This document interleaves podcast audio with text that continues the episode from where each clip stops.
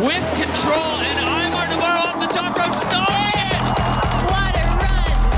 The ground is Sabíeu que un català ha estat el primer espanyol que ha participat en el circuit del Freeride World Tour i, de fet, ja en porta 8 temporades? Com? Que encara no sabeu què és el Freeride? Doncs quedeu-vos que avui us porto un capítol on l'adrenalina ens sortirà per les orelles.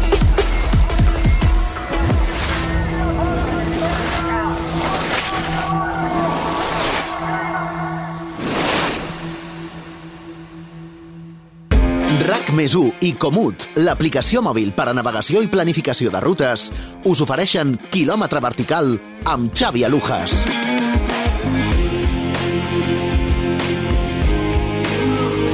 Benvinguts al vuitè capítol de Quilòmetre Vertical. Avui ens calcem els esquís per fer alguna baixada fora pista amb el nostre convidat. Ell és l'Aimar Navarro, el primer rider que ha participat en el Freeride World Tour, la màxima competició mundial. Però primer de tot, deixeu-me que us faci 5 cèntims de què és el Freeride.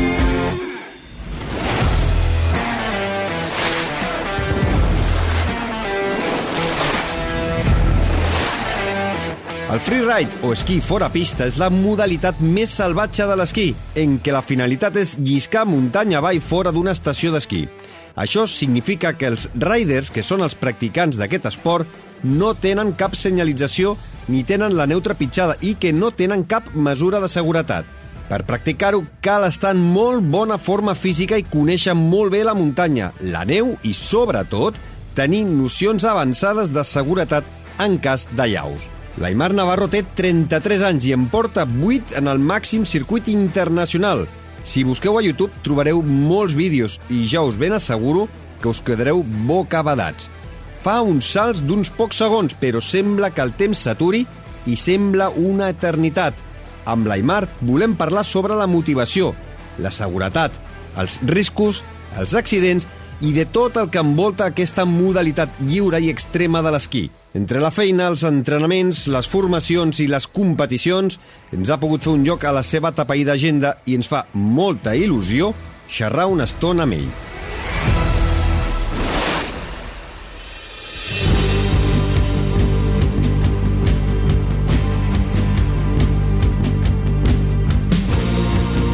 Aimar Navarro, benvingut a Quilòmetre Vertical. Molt bones, què tal? Bé, eh, gràcies per eh, acceptar la conversa.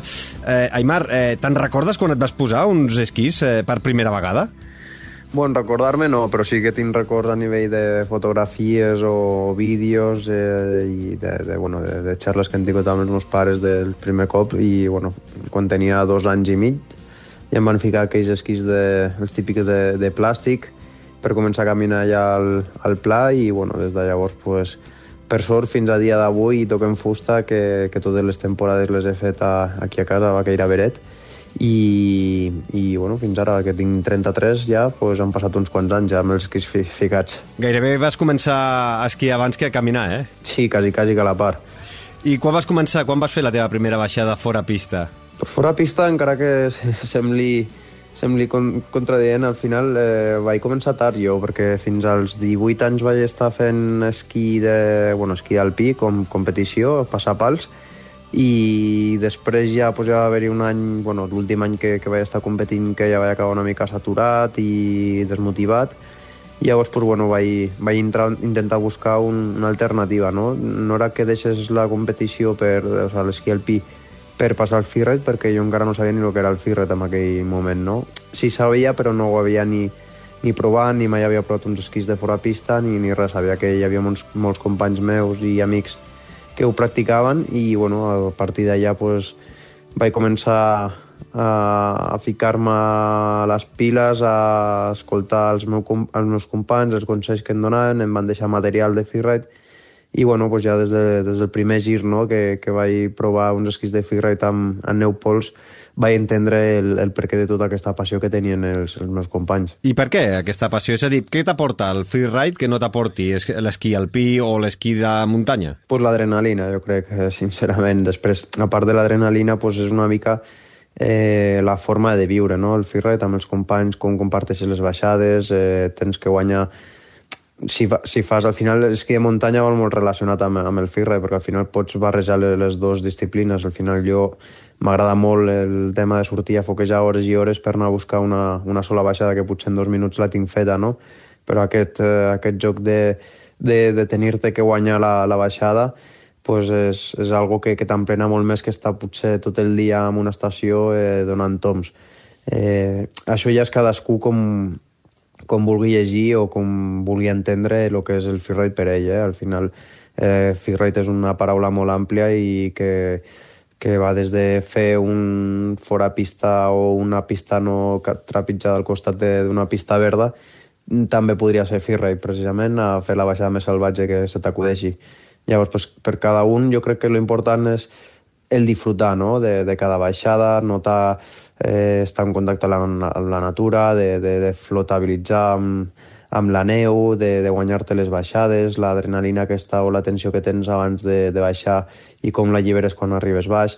Jo crec que és un combo de moltes coses que, que al final et donen el resultat i el que ve a significar per mi, almenys personalment, el que és el freeride. I avui en dia continues eh, esquiant dins una, una estació d'esquí o, o, o no? Sí, sí, sí, sí, la utilitzo. Jo aquí a Vaquera Beret utilitzo bastant l'estació d'esquí, sobretot per, per dies d'entrenament és un, una eina indispensable, no? perquè al final si, si només féssim, fes eh, la, eh, foquejar i fer una baixada o dues baixades al dia, al final perdria tota la tècnica que, que guanyes i la força per aguantar les baixades sobretot de cara a la competició. Eh, normalment, com, com puges a dalt d'un cim o una cresta per fer la baixada? La fas caminant, la fas escalant? Eh, com, com, com és aquest, aquest procés per fer només el que dius tu, només una baixada? Bueno, eh, és de, tot depèn de l'activitat on la focalitzis, no? Eh, ara últimament m'estic m'estic centrant molt més en, en barrejar dues disciplines que són l'alpinisme amb baixades de freeride i la, la idea d'aquest tan nova vertent és una mica, pues això, no? complementar una mica més l'activitat, sinó, que, només, que no només sigui fer una posada per baixar, sinó que també la posada tingui el seu què.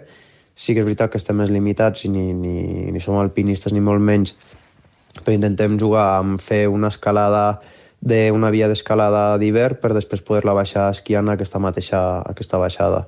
Hem fet alguns vídeos com amb el projecte de Check Project, que, que són, consta d'això, no? de, de fer pujades alpines amb els esquís a l'esquena, escalant en grampons i piolets, i després, un cop al cim, intentar fer la baixada per, per la mateixa via d'escalada. Déu nhi déu I, I sempre utilitzes els esquís o també eh, has provat eh, fer les baixades eh, amb, amb una taula d'esnou? No, sempre esquís, 100%. Mm.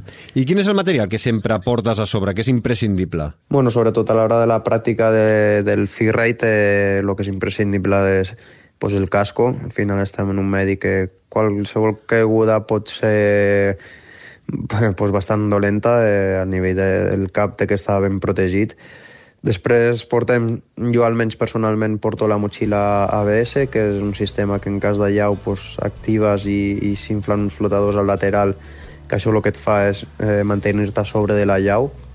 Això també cal deixar clar i puntualitzar de que portar aquesta motxilla no et salva de, de, de, de ser de ser engullit per una llau, sinó que bueno, és una eina, una, una eina més de, de protecció, de seguretat, que, que si la portes és un mes a més, però mai tens que saltar les mm. altres regles, no? Eh, després sí o sí tens que portar el DBA, l'ARBA, que és el dispositiu que emet una senyal que en cas d'estar enterrat amb una llau és on, amb el sistema que te localitzaran mm. més ràpidament i després eh, dins de la motxilla portem una pala i una sonda per en cas de que hi hagi un accident doncs, localitzar la víctima amb l'arba i després amb la sonda sondeges fins trobar on està la víctima i amb la pala palejar per, per trobar-la, bueno, per desenterrar-la.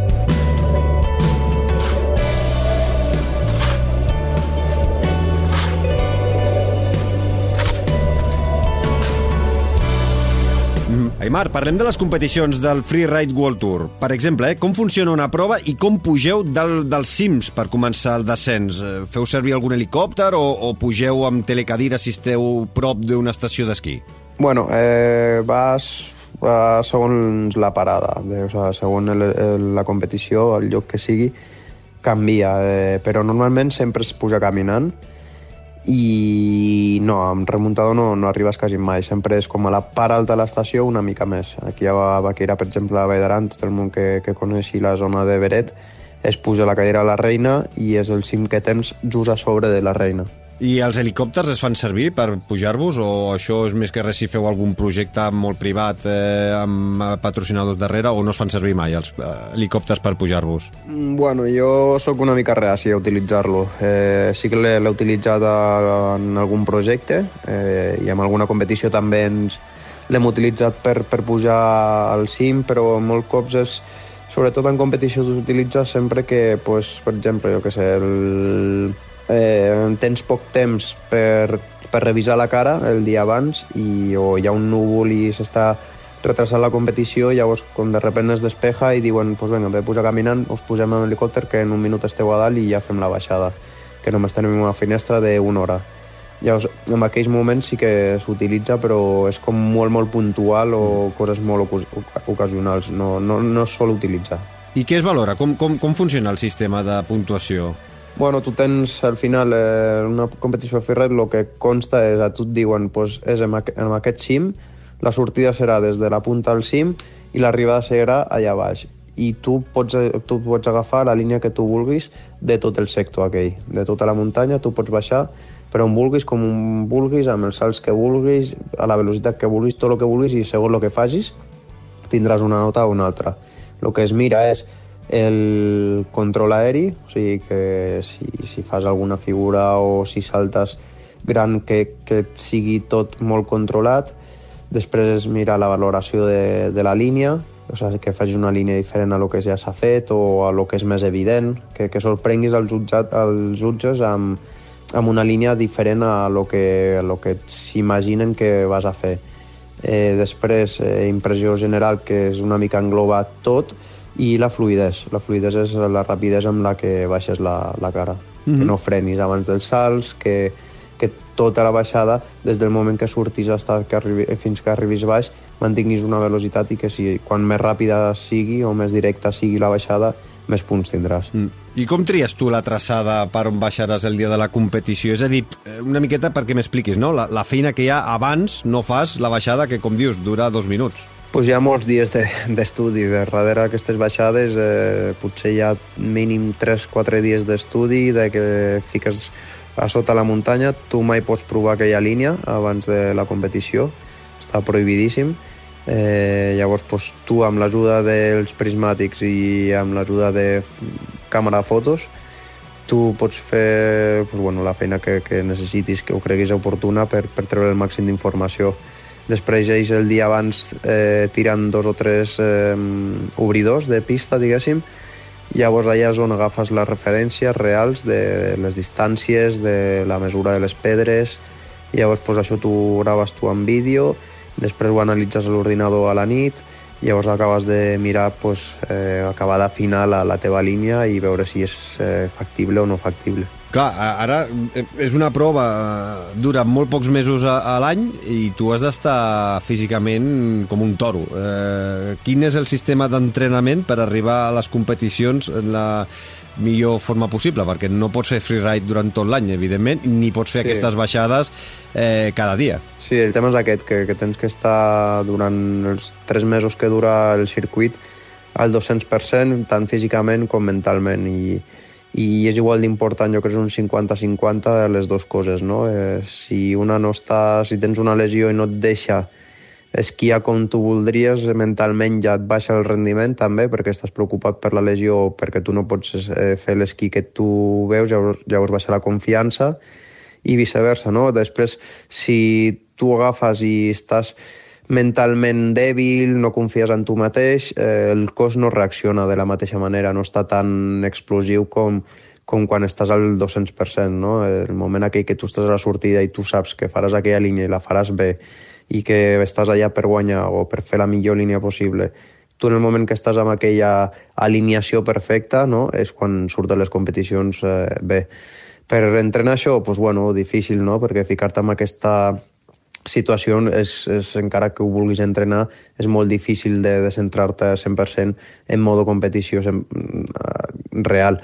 al final tu entrenes, fas baixades llargues, eh, bueno, principi de temporada pues, abans de que arribi la neu pues, moltes hores de gimnàs, eh, amb treball més específic, eh, i després quan ja arriba l'hivern pues, començar a poc a poc, no, no, no voler anar al 200%, perquè al final és quan arriben les lesions, sinó pues, començar a fer baixades, eh, amb, amb estació mateix, no falta que sigui freeride, jo utilitzo molt l'esquí en pista, em porto esquís de pista que són exigents d'aquests de competició i baixades llargues de dalt a baix, cada vegada més llargues, més seguides, després al mig matí canvies, te'n vas a fer una foquejada de dues hores i ja acabes el dia. I després ja vas fent coses més específiques, no? Vas a buscar ja trossos de muntanya que coneixes per fer baixades fora pista llargues i després fiques una mica més modo competició, te'n vas a algun lloc que coneguis una mica menys, te busques una línia i després la, la vas a, a buscar i intentar executar de la millor manera possible. Què vol dir una, una foquejada? Una foquejada és sortir a fer travessia, eh, ficar l'espeix i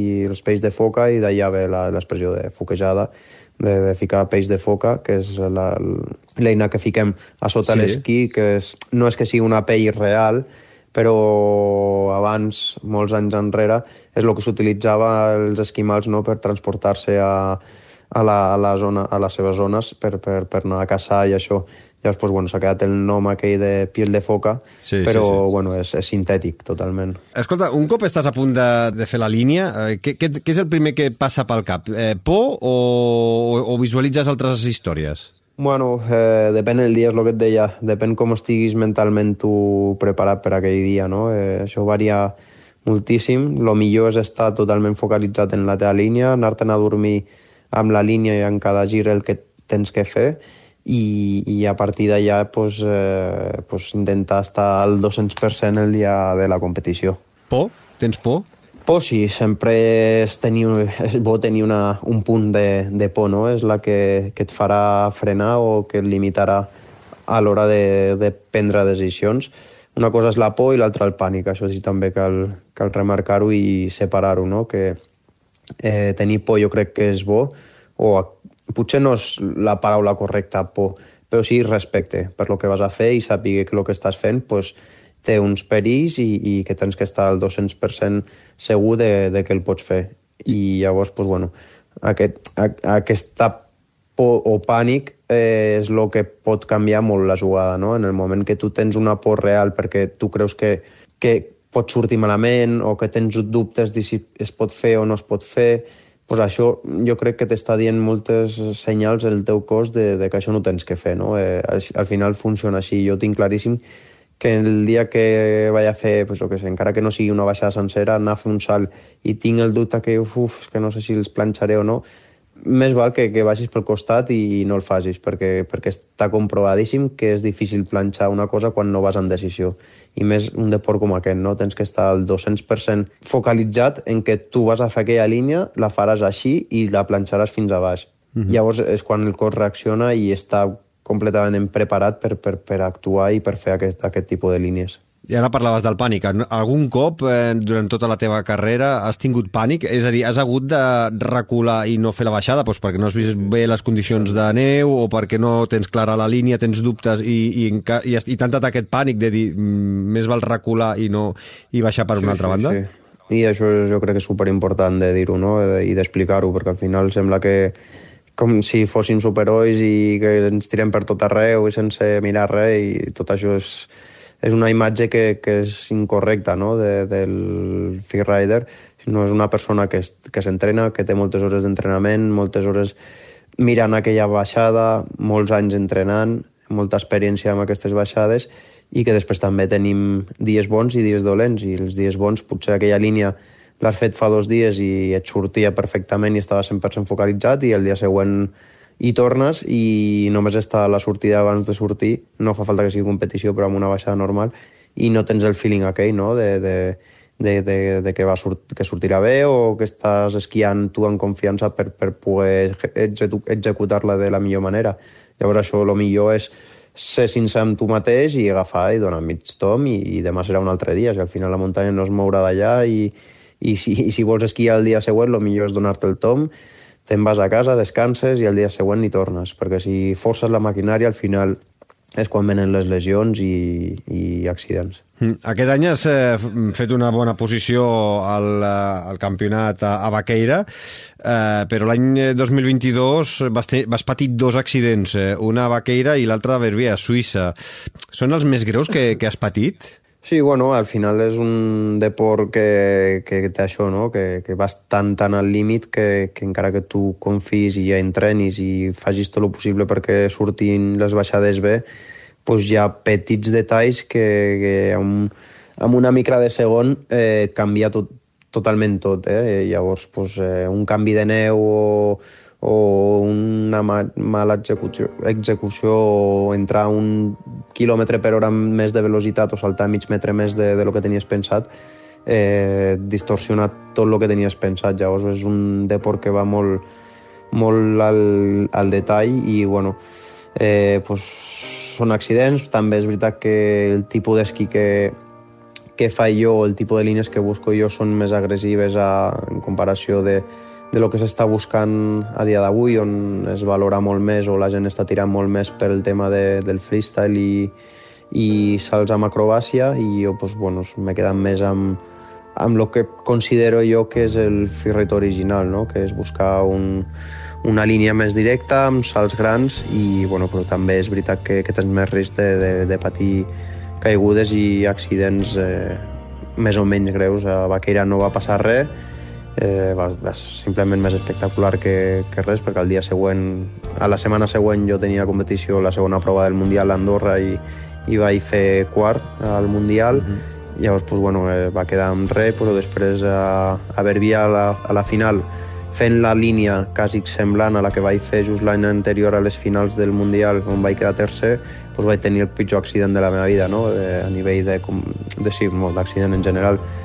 I llavors, doncs, bueno, és el que et dic, eh, que un detall mínim eh, canvia la història totalment. Way high, he's going to air onto this patch, redirect, off it, and off the second stage of the La Bamba. Can he hold it? No, Aymar Navarro. Oh, getting pitched against the rock wall at the bottom. Yeah, that was. And just trying to bring himself to a stop here. Still rolling. That was a heavy, heavy slam for Navarro. Eh, escolta, Imar, i quan estàs en aquell segon previ de perdre el control, però ja veus que alguna cosa no has fet bé, que, que estàs a punt de, de, de, de patir l'accident, què és el que primer que et passa al cap? Eh, bueno, pa, són, és quan t'entra el pànic? No, perquè són baixades tan, tan explosives, tan directes, que no et dona ni temps a fer aquell moment de pensar de... Uh, jo crec que si tens temps per pensar això és que ja ho estàs fent malament. Llavors, tu tens que estar centrat 100% en que tu estàs executant la d'això i encara que vagis tu amb una direcció incorrecta o, o saltant més metres dels que havies pensat, tu sempre tens que estar amb el teu cap, sempre té que estar l'opció de, de planxar-ho i sortir d'allà com sigui. Mm. Llavors ja quan et dona, quan ja veus que ja no hi ha res a fer és quan ja estàs donant toms, o sigui que ja no et dona ni temps a pensar. Tornes a mirar les imatges un cop eh, doncs, eh, estàs més recuperat per veure on està l'error o... Sí, o... sí, sí? A mi m'agrada sempre analitzar d'on ve el fallo i per, per intentar-ho millorar, doncs mira, aquest any a Vaqueira sense anar més, més lluny eh, doncs vaig fer la mateixa línia que justament l'any passat on vaig patir l'accident aquell i la vaig tornar a repetir i va sortir perfectament. Llavors, doncs, bueno, és analitzar, de, doncs, bueno, doncs aquí vaig entrar massa ràpid, eh, la neu no estava en les condicions que esperava i ja vaig sortir rebotat, doncs, bueno, doncs aquest any he executat-la una mica diferent, però, però poder-la planxar i treus l'espinilla aquella. Jo recomano que la gent entri a Google, busqui Aymar Navarro Baqueira 2023 i vegi la baixada que, que va fer, que la veurà des de lluny, diguéssim, i també hi ha imatges amb la teva GoPro, diguéssim, eh, amb, amb, la, amb la càmera que tenies al cap i, i espectacular, posa els pèls de, de punta. Un cop eh, pateixes, per exemple, l'accident de, de Verbier eh, l'any passat, eh, què trigues més, en recuperar-te físicament o mentalment, en agafar la confiança? Jo crec que va a la part. Eh, mentalment depèn com te trobis tu, no?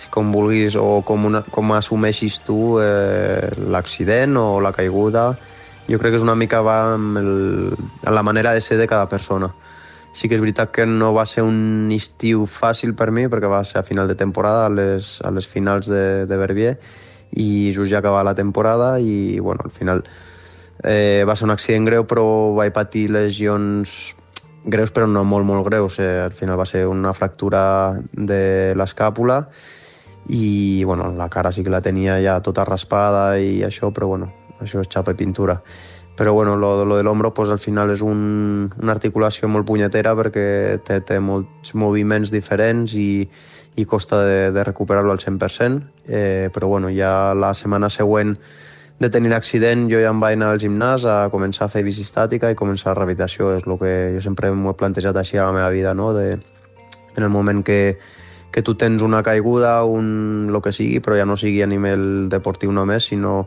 a nivell personal o a nivell psicològic de, de tenir un, un cop greu, jo, creu, jo crec que el millor que pots fer és, venga, agafar el toro per los cuernos que es diu no? i tirar cap endavant i de, quan abans comencis abans ho superaràs llavors, mm. pues, bueno, eh, pues a vegades mentalment tens que estar molt més fort que físicament a part de competir, també et prepares eh, per reptes personals. Eh, per exemple, ara fa poques setmanes vas fer el Tuc d'Era Tallada a la Val d'Aran.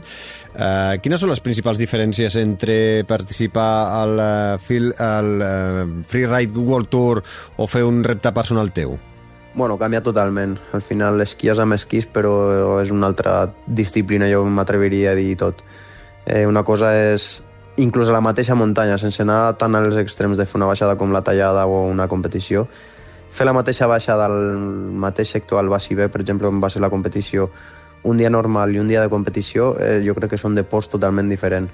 Perquè al final, encara que et vulguis exigir a la pressió que estàs exposat, tens que ser molt fort a nivell mental de, de saber-ho gestionar tot això, no? Pues pensa que tens un helicòpter davant, una persona que et dirà en quin moment tu tens que tirar, tens 5.000 persones allà baix cridant-te, televisions, entrevistes durant tota la setmana prèvia, o sigui, és una, una bogeria a nivell mental tot el que tens que, que assumir i, i gestionar.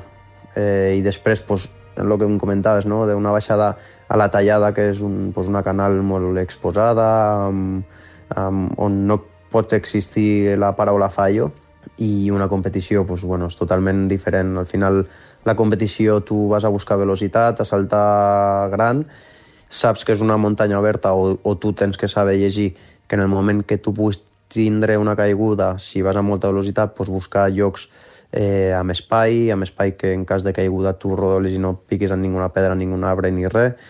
Però després està l'altre sector, que és el tip esquí, que es diria, que és l'esquí de, dependent, eh, que és una mica la direcció on vull anar ara amb la meva carrera deportiva, i és buscar eh, baixades molt exposades, no? de, de pues, esquí molt tranquil, tens que cada gir tens que estar al 300% de que és un gir correcte, on cada... tens que gestionar molt bé el terreny, de deixar passar la purga, de en el moment que saltis algo saber que el planxaràs 200% i quedar-te allà clavat, deixar baixar la, la, el que és la purga, és com la neu que, que mm. baixa, perquè sobretot quan estàs en una baixada canalitzada tens el risc aquest, no? de que tu vagis baixant, vulguis frenar i te vingui la purga, que és la, la neu aquesta sobrant, baixant pel mig de la canal i t'arrossegui cap a baix. La talla, per exemple, tenies un primer sector de uns 150 metres de baixada esquiada, just al mig de la canal hi ha un tallat d'uns 60-70 metres de, que calia baixar rapelant, calia muntar una instal·lació i rapelar-la, i després tenies un altre sector d'uns 150, 200, no, uns 100, 100 i pico metres d'esquiada de, una altra vegada. Llavors, doncs, són zones on no pots fallar, perquè, clar, si tu falles a la zona alta eh, i, o t'arrossega, doncs saps que tens un tallat allà de 70-80 metres on clarament cal, no cal ser molt avispat de que el resultat seria fatal. Mm, quanta gent t'acompanya quan, eh, eh, per exemple, en aquest repte que ara parlaves, no?, del tuc de la tallada, eh, quan, quanta gent eh, de, del teu equip t'acompanya perquè tot sigui possible? Eh, molt poca gent. Sempre per aquest tipus de, de, de projectes m'emporto una persona i, i prou pel tema de seguretat. Eh, al final l'activitat la tens que fer molt lleugera, mm, tens que estar molt centrat amb tu i no amb, amb el que passi al costat teu, llavors, pues, bueno, les persones que, que m'acompanyen o, o bé confio 200% amb ells o directament són càmeres que es queden pues, simplement a, a, la zona frontal de la muntanya i en graven i vigilen a, a l'hora. Moltes mm. vegades l'activitat en si la, la faig sol. Has anunciat eh, que aquest any 2023 eh, eh, et retires eh, de la competició, de l'alta competició. Eh, suposo, evidentment, que continuaràs amb el freeride mm, amb, amb projectes personals. Eh, però quins són els motius pel quals deixes la competició quan només tens 33 anys? Bueno, eh, és un deport de joves. Eh, jo a dia d'avui era el segon o tercer més vell al Mundial i llavors, pues, bueno, i sobretot per, no és per l'edat, sinó per motivacions. No? Porto 9 anys competint a, al, al Mundial de Freeride i la veritat que aquests anys ja m'estava costant una mica tornar-hi a agafar el punt o cada cop em costava més i bueno, la veritat que m'ha sortit la possibilitat de seguir complint somnis eh, amb aquest deport que, que només em dona que, que sorpreses, no? I, i la veritat que gràcies a, una, a uns dels sponsors que, que tinc podré fer uns dels projectes que era anar cap a l'Himalaya i bueno, això és una mica el que buscaré ara en la nova etapa aquesta de, de deport, no? de buscar un esquí més d'exploració, d'anar a llocs on mai s'hagi esquiat i intentar l'esquí aquest de barrejar alpinisme amb, amb esquí de freeride. Doncs estarem pendents. En total has tingut, eh, 8 anys, has estat 8 anys eh, competint en el World Tour i has sigut el primer espanyol en fer-ho. Creus que has obert un camí, no?, una escletxa per nous freeriders espanyols? Bueno, és una de les coses que em, porto més, més que qualsevol dels podis que hagi pogut fer o classificacions a les finals. Eh, una de les coses més boniques no és veure el, la repercussió que té a dia d'avui el freeride a, a, a, aquí a casa, no? Aquests dies que fèiem la presentació dels atletes i tot això, que sé, amb la Bel ens hem estat com quasi una hora i mitja, dues hores signant autògrafs i després veure la competició a Baqueira amb quasi 5.000 persones allà mirant, mai m'ho havia imaginat, no?, de, de, de, de poder viure això a, a casa meva, d'estar de, de, allà competint jo mateix amb una prova mundial a casa meva i, i amb tanta, tanta afició, que, que inclús està gent de fora, els riders de fora, està sent un dels, de les parades eh, més favorites a nivell de més preferides de, a nivell de, del Mundial perquè pues, això, per l'ambientazo que hi ha cada, cada any aquí a Baquera Beret, és el segon any que es fa, el primer any va ser brutal i sorprenent i pensant que jo afirmava, no? ho deia, de dir, ostres, ojalà màxim que, que sigui com a mínim que com l'any passat, però no, no sé com, com si la gent podrà venir, si, si va agradar o no va agradar, i aquest any va ser com una bomba explosiva, no?, de, de cada vegada que, que baixava una, un rider era com un estadi de futbol, allò. Uh, si algun oient que ens està escoltant vol provar això del freeride, per on ha de començar? Quins són els primers passos que ha de fer? Evidentment saber esquiar, això ja ho donem per fet, però és a dir, eh, esquia molt bé per pista i té ganes de començar a fer una mica fora pista. Què és el, el primer que tu li recomanaries fer? Bueno, jo el primer que faria és agafar un professor, un guia, millor, i que és el que t'ensenyarà a buscar els jocs més correctes, perquè no és només saber esquiar, sinó també és molt la gestió del terreny i la seguretat, no? Llavors, pues, jo crec que una persona que mai ha tocat el freeride, jo crec que es té que formar primerament, abans de, de tècnicament a l'hora de baixar, saber tot, no? Tot el que comporta fer aquest, aquest tipus de port per què es porta una motxilla. No portem una motxilla per portar un bocadillo, sinó perquè portem una pala, una sonda, un dispositiu que es diu un narva, mm. com s'utilitza això en cas d'accident, com tenim que actuar. Jo crec que hi ha moltes coses prèviament abans de, de ficar-nos en un fora pista que tenim que tenir molt en compte i, i, i crec que ens falta aquí a casa nostra aquest tipus de formació, perquè, per exemple, aquí a la Vall d'Aran està com molt de moda no? el tema del freeride, però després te trobes eh, moments d'aquells que dius uf, eh, potser estem creixent massa ràpid i ens estem saltant algun pas, no? Hi ha gent que es vol adentrar amb aquest deport i jo ho entenc i m'encanta que la gent es motivi amb el freeride, però crec que és això, que, que, que a part de saber esquiar cal saber moltes coses prèviament perquè després passen els accidents que estan passant i no és una que m'estic inventant, jo estic també al, el grup de rescat de bombers aquí de muntanya a la Vall d'Aran, al GRM, i, i, i sé de lo que estic dient, no? de, de que a vegades anem a buscar accidentats on s'han saltat, saltat molts, molts passos i, i, això doncs, jo crec que és perquè falta una mica de conscienciació, de saber llegir el boletí de llaus abans de sortir a la muntanya, mirar meteorologia, portar el material adequat... Hi ha moltes coses que, que, que es tenen que tenir en compte i no és només saber esquiar, sinó tot l'altre també és igual d'important o més.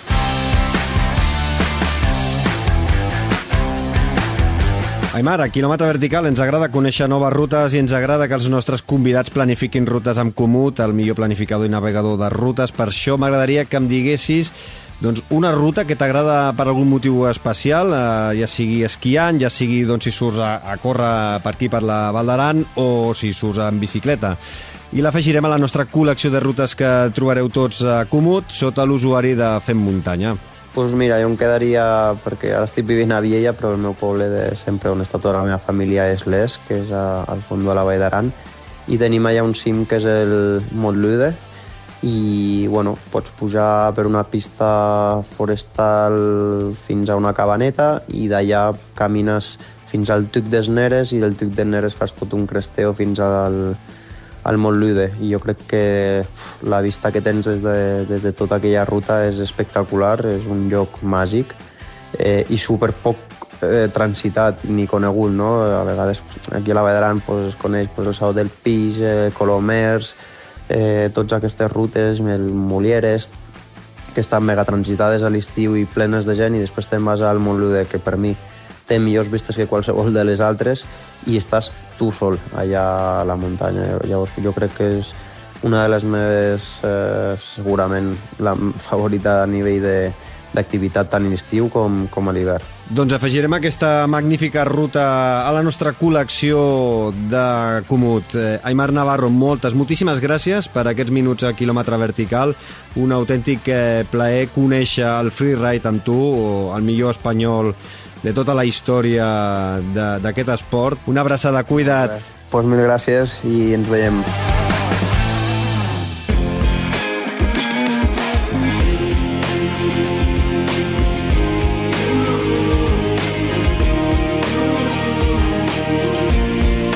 Després d'aquesta conversa, he entès per què prefereix el freeride que no esquiar dins una estació d'esquí. Tot i això, ha quedat clar el risc que suposa fer segons quines baixades i que calen moltes hores d'entrenament i molta planificació prèvia. De debò, que si us agrada l'acció us convido a veure baixades de l'Aimar i si voleu les de l'accident de Verbier de l'any 2022, s'us encongirà el cor.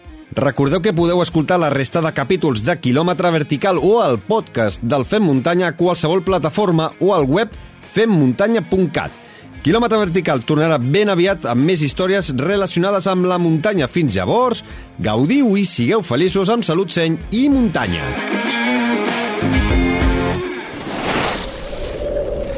RAC més i Comut, l'aplicació mòbil per a navegació i planificació de rutes, us han ofert quilòmetre vertical amb Xavi Alujas.